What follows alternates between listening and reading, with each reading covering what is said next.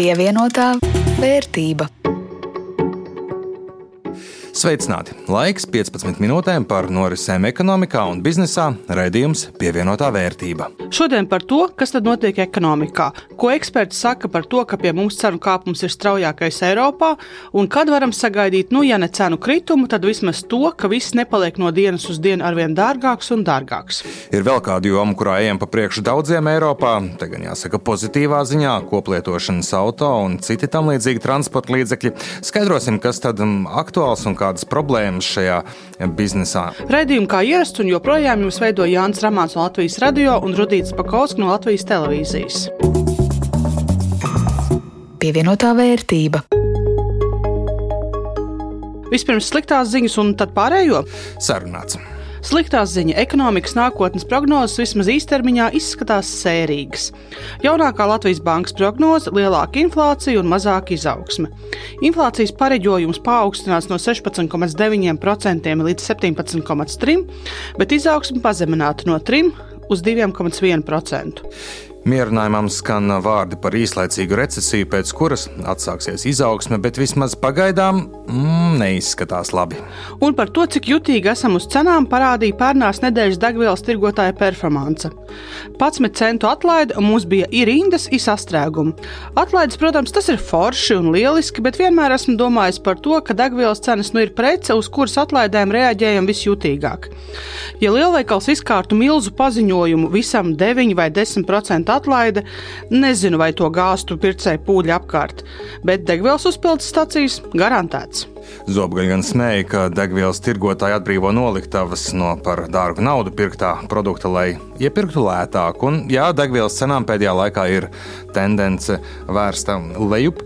Līdz litram degvielas lētāk par 1 eiro, kāda bija vienbrīd pandēmijas sākumā, vēl ļoti tālu, un visticamāk tur netiksim nemaz. Bet nu, nav vairs 2 eiro un vairāk par litru, kā redzējām vēl šogad. Nedrīkstam aizmirst, mums ir arī jauna valdība, jauna vecā ekonomikas ministre un arī klimata un enerģētikas ministrs. Varam sākt gaidīt darbus, un pirmais noteikti ir nākamā gada budžets. Šajā laikā, kad neparedzētas situācijas jārisina viena pēc otras, gadu sākt ar tehnisko budžetu ir visai grūti. Visā notikuma burzmā mazāk vērtības tika pievērstas tam, ka Eiropas Savienība pieņēma to, ka daudz nacionālajā uzņēmumi, ka tiem būs jāmaksā minimālais ienākuma nodoklis - 15%. Tur gan vēl starptautiskas sarunas, kā to vislabāk īstenot, bet esam tuvāk tam, un, lai nebūtu iespējams milzīgiem uzņēmumiem izmantot kādu īpašu valstu labvēlību un pelnīt nemaksājot nodokļus. Līdz šim sanāca nevisai godīgi. Mazāk uzņēmumu, kas nevar pārreģistrēties un sakārtot grāmatvedību tā, ka visa peļņa rodas kādā nodokļu paradīzē, maksā ienākumu nodokli, bet lielie, bagātie un varenie nē. Lai gan infrastruktūru un citus labumus, kurus valsts nodrošina par iekasētajiem nodokļiem, baudīja visi. Bet tagad par uh, mūsu ziloni trauku veikalā, kuru nav iespējams nepamanīt - inflācija. Skatoties uz to, kas šobrīd notiek inflācijas laukā, vienā no pēdējiem The Economist žurnāla izdevumiem raksturo kā inflācijas murgu. To viņi runā par gan ASV, gan Eiropas inflācijas līmeņiem, kas, kā mēs redzam, ir pietuvojušies vai atrodas nu, pie šie divcipara līmeņa, bet nu, nav vēl ne tuvu, ne tuvu tādā līmenī kā inflācija Latvijā un pārējās Baltijas valstīs. Līdz ar to, nu, ja mēs domājam, ka tas, kas Eiropā šobrīd ir murgs, tad nu, es pat nezinu, kādu vārdu ekonomisti autori lietotu tiešām, lai raksturotu to situāciju, kas šobrīd notiek Latvijā. Tā kā, nu, situācija ir pietiekami, protams, nepatīkama. Tā eksperta diskusija par inflāciju iesāk Latvijas Bankas monetārās politikas pārvaldes vadītāja vietnieks Mārtiņš Bitāns. Liek nav vērts atkārtoties, esam jau dzirdējuši ekonomistu skaidrojumus, kāpēc šoreiz Latvijas ekonomika un sabiedrība labāk gatava nekā 2008. gada krīzē. Toreiz politiķa atbildība centās novelt uz norisēm pasaulē, bet bija skaidrs, ka nepatikšanas lielākoties tomēr ir vien mūsu pašu radītas. Šoreiz gan tie ārēji apstākļi, augstās energoresursu un pārtikas cenas biržās ir pamatoti galvenie vaininieki. Bet tam Latvijas un Baltijas inflācijas zilonim Ir visai grūti paslēpties aiz, piemēram, Eiropas inflācijas ziloņa vai zebras, kurš stipri mazāks, divreiz mazāks, ja esam pilnīgi precīzi, jo īpaši, ja runa ir par pārtikas cenām. Agroresursu un ekonomikas institūta lauksainicības tirgus veicināšanas daļas vadītāja vadošā pētniece Ingūna Gulba norāda, ka jo mazākas un nabadzīgākas valstis, jo cenu kāpums procentuāli lielāks un arī iedzīvotājiem sāpīgāks. Cenu kāpums straujāks ir ne tajās pašās bagātākajās valstīs. Un līdz šim mums pārtika salīdzinoši ar citām valstīm nebija tā pati dārgākā ar citām Eiropas Savienības valstīm. Mūsu vienīgā problēma ir tā, ka salīdzinot ar tām vecajām un bagātām valstīm, lielākā daļa iedzīvotāju lielāku procentu no ienākumiem tērēja pārtikai. Bet, uh, cenas mums nebija augstākas kā citur, gribētu teikt, ka pat zemākas. Un līdz ar to, ja skaitlis ir zemāks, kāpums ir procenti sanāk lielāki. No saviem augstākajiem punktiem pasaules biržās ir atkāpušās cenas ne tikai, piemēram, naftas cena, bet arī pārtiks produktiem. Un to var redzēt arī Latvijas veikalos. Šī tendence, cik nu droši var prognozēt, saglabāsies. Taču nevajagot lolot arī pārmērīgi optimistiskas cerības. Kad sāksies tāds nopietns kritums, nevar pateikt, bet eh, skatoties pagājušā nedēļā, esot uz vietas Tallinas un Viļņas un Rīgas vai nu mazumtirdzniecības tīklu hipermarketos, salīdzinot cenas pret septembra cenām, ir ļoti daudzām samazinājums. Ļoti dārzeņiem ļoti daudziem samazinājums, saules puķeļi ir būtiski samazinājusies un tā tālāk. Kad tas pīķis iet uz leju, tas samazinājums sāksies, bet es nevarētu teikt un iepriecināt, ka tūlīt būs kaut kas veiklā lētāk. Nē, jo cenas paies uz leju, bet to līmeni, kas bija pagājušais gads, visticamāk, mēs nekad nesasniegsim vairs atpakaļ. Bet uh, visas pazīmes liecina, ka nākošā gada sākumā vajadzētu palikt labāk un prognozējumāk. Un vēl, kā skaidro eksperti, daudzi uzņēmumi jau ir pārvarējuši pirmo šoku, pielāgojas jaunajai situācijai un domā, kā saražot lētāk, lai labāk konkurētu ar citiem, savukārt mums kā patērētājiem ir atbildība un pienākums šos labos piemērus, kas spēj nenovelt visu dzīves dārdzību uz mūsu makiem, tomēr atbalstīt, pērkot viņu preces, bet tos, kuru preču cenas mums šķiet pārmērīgas, neadekvātas un pat nekaunīgas, nu vajag paskubināt, laboties un viņa preces vienkārši nepirkt, kur vēl labāka motivācija. Turpinājumā par koplietošanas autotirgu. Tas Latvijā strauji audzis no savā ziņā eksotikas, pārtopot par pavisam ierastu, kaut ko tādu, kam vairs nepievēršam uzmanību. Tie nomas auto ir malu malās, bet ar vienu pieprasījums ir lielāks nekā piedāvājums. Rīgā ir ap 1500 šādu mašīnu. Linda Zalāna devās skaidrot, cik daudz koplietošanas auto Rīgā vajadzētu, lai pietiktu. Pat labam Latvijā koplietošanas autotirgū darbojas seši uzņēmumi - trīs vietējie, divi Igaunijas un viens Lietuvas uzņēmums. Šobrīd Rīga faktiski ir viens no tirgiem ne tikai Eiropā, bet arī pasaulē ar vislielāku konkurenci. Teica koplietošanas autozīmola kārguru izveidotājs un līdzīpašnieks Vladimirs Reskājs, kura pārstāvētais uzņēmums pirms pieciem gadiem bija celmlauzis koplietošanas pakalpojumu piedāvāšanā Latvijā.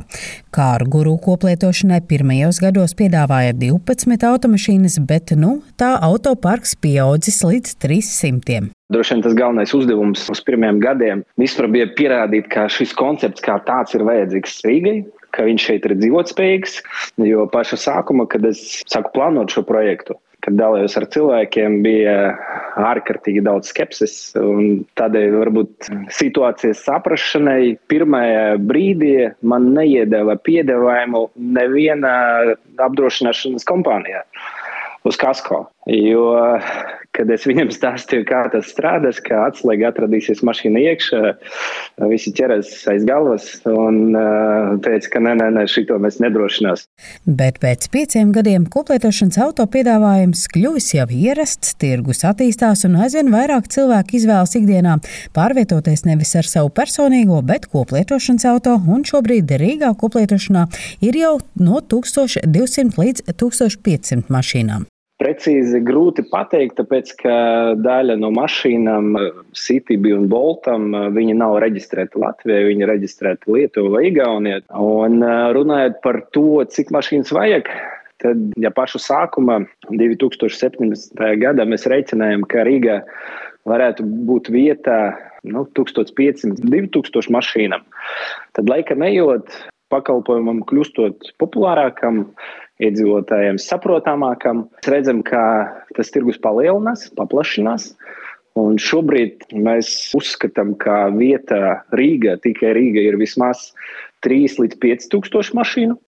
Bet arī tas varētu nebūt pietiekami. Krietni ambiciozākas aplēses Latvijas radio sniedz Bolt Drive vadītājs Latvijā Fēliks Igaunis, sakot, ka koplietošanas autotirgum ir jāsasniedz 5% no kopējā privāto automašīnu skaita. Ja mēs skatāmies to statistiku pa Latviju, tur pāri 700 tūkstoši, jā, no tad pārsvarā procenta 80 es pieļauju, tas ir Rīga, Rīgas rajonā, tad tas varētu būt kaut kur no 10 tūkstoši mašīnas priekš Rīgas. Vajadzētu tā, lai cilvēkiem tā mašīna būtu pieejama un lai viņi pieņemtu lēmumu, pirms viņi piemēram nopirkt jaunu mašīnu, vēl vienu mašīnu vai iegādāties pirmā auto. Un skatoties uz Eiropas mērogu valstī, tad uh, tas ir tas skaitlis, kas varētu cilvēkiem nodrošināt to pieejamību un adekvātu cenu.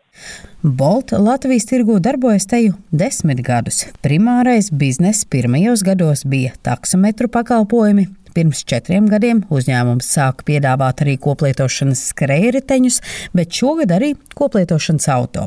Bolt Drive autoparkā ir 600 mašīnas. Fēliks Igaunis teica, ka tas vēl esot par maz, jo koplietošanā lielākais konkurents ir privātais auto.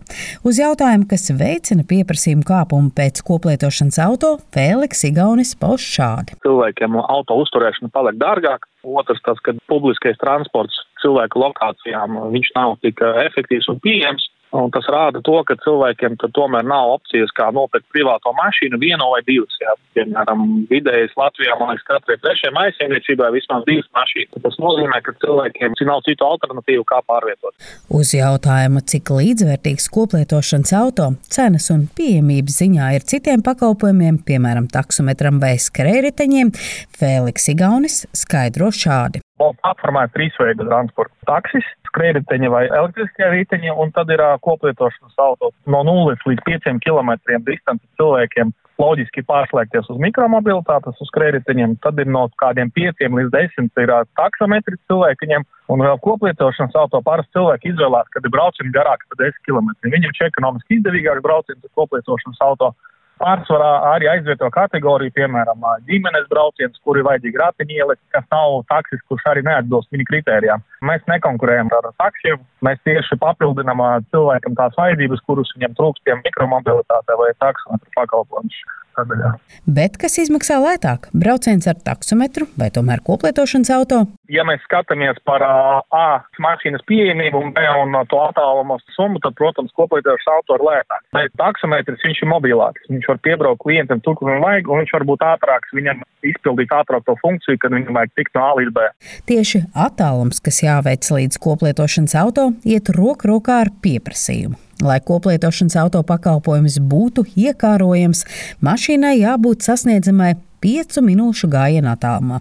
Šobrīd tirgu vēl nav tik daudz koplietošanas auto, lai šādu rādījumu sasniegtu, it īpaši Rīgas mikrorajonos. Linda Zalāne, Latvijas radio. Bet noslēgumā par to, kas notiek Baltijas biržā. Nu, tur jau kārtējā nedēļa ar pluszīmi. Rīgas indeks augšu par 2,6%. Galvenais nopelns te Latvijas gāzes akciju cenu kāpumam par plus 5%, bet pieplīdzēja arī indeksa un saftehnikas pozitīvā dinamika. Lietuvieši te pa nulēm, tur ļoti mainīgas sekmes uzņēmumiem, tomēr mazliet plusos - 0,06%, ja esam precīzi. Tallinas biržā kāpums par 0,56%. Par Tallinu man visai patīkam redzēt, ka starp straujākiem akciju cenu kāpumiem ir četri uzņēmumi, kur arī manā ieguldījuma portfelī Latvija Tallink plus 6,6%, Kūpanka plus 4%, Merko Ehitus plus 2,2%, Enefit Green 0,91% klāt, un līdz ar to kopējā portfeļa vērtība man 450 eiro, un, ja salīdzinu ar iepriekšējo nedēļu, plus 11 eiro klāt. Kā tev radīt? Nu, man netika labi. Vērtība nedaudz kritusies salīdzinot ar iepriekšējo nedēļu. Tāda viena liela vaininieka nav, daudzās pozīcijās akciju cenas mazliet paslīdējušas uz leju. Šobrīd kopējā vērtība ap 429 eiro par 1 eiro mazāk nekā pirms nedēļas. Pievienotā vērtība. Ar to arī skan šodienas raidījums pievienotā vērtība. To veido Jānis Ramāns no Latvijas radio un Rudīts Pakausku no Latvijas televīzijas par skaņu rūpējās Ulds Grīnbergs. Atgādinu, ka šo un visus iepriekšējos vairāk gadu garumā raidījumus var dzirdēt Latvijas radio arhīvā, raidierakstu vietnēs un arī Latvijas radio aplikācijā. Pievienotā vērtība.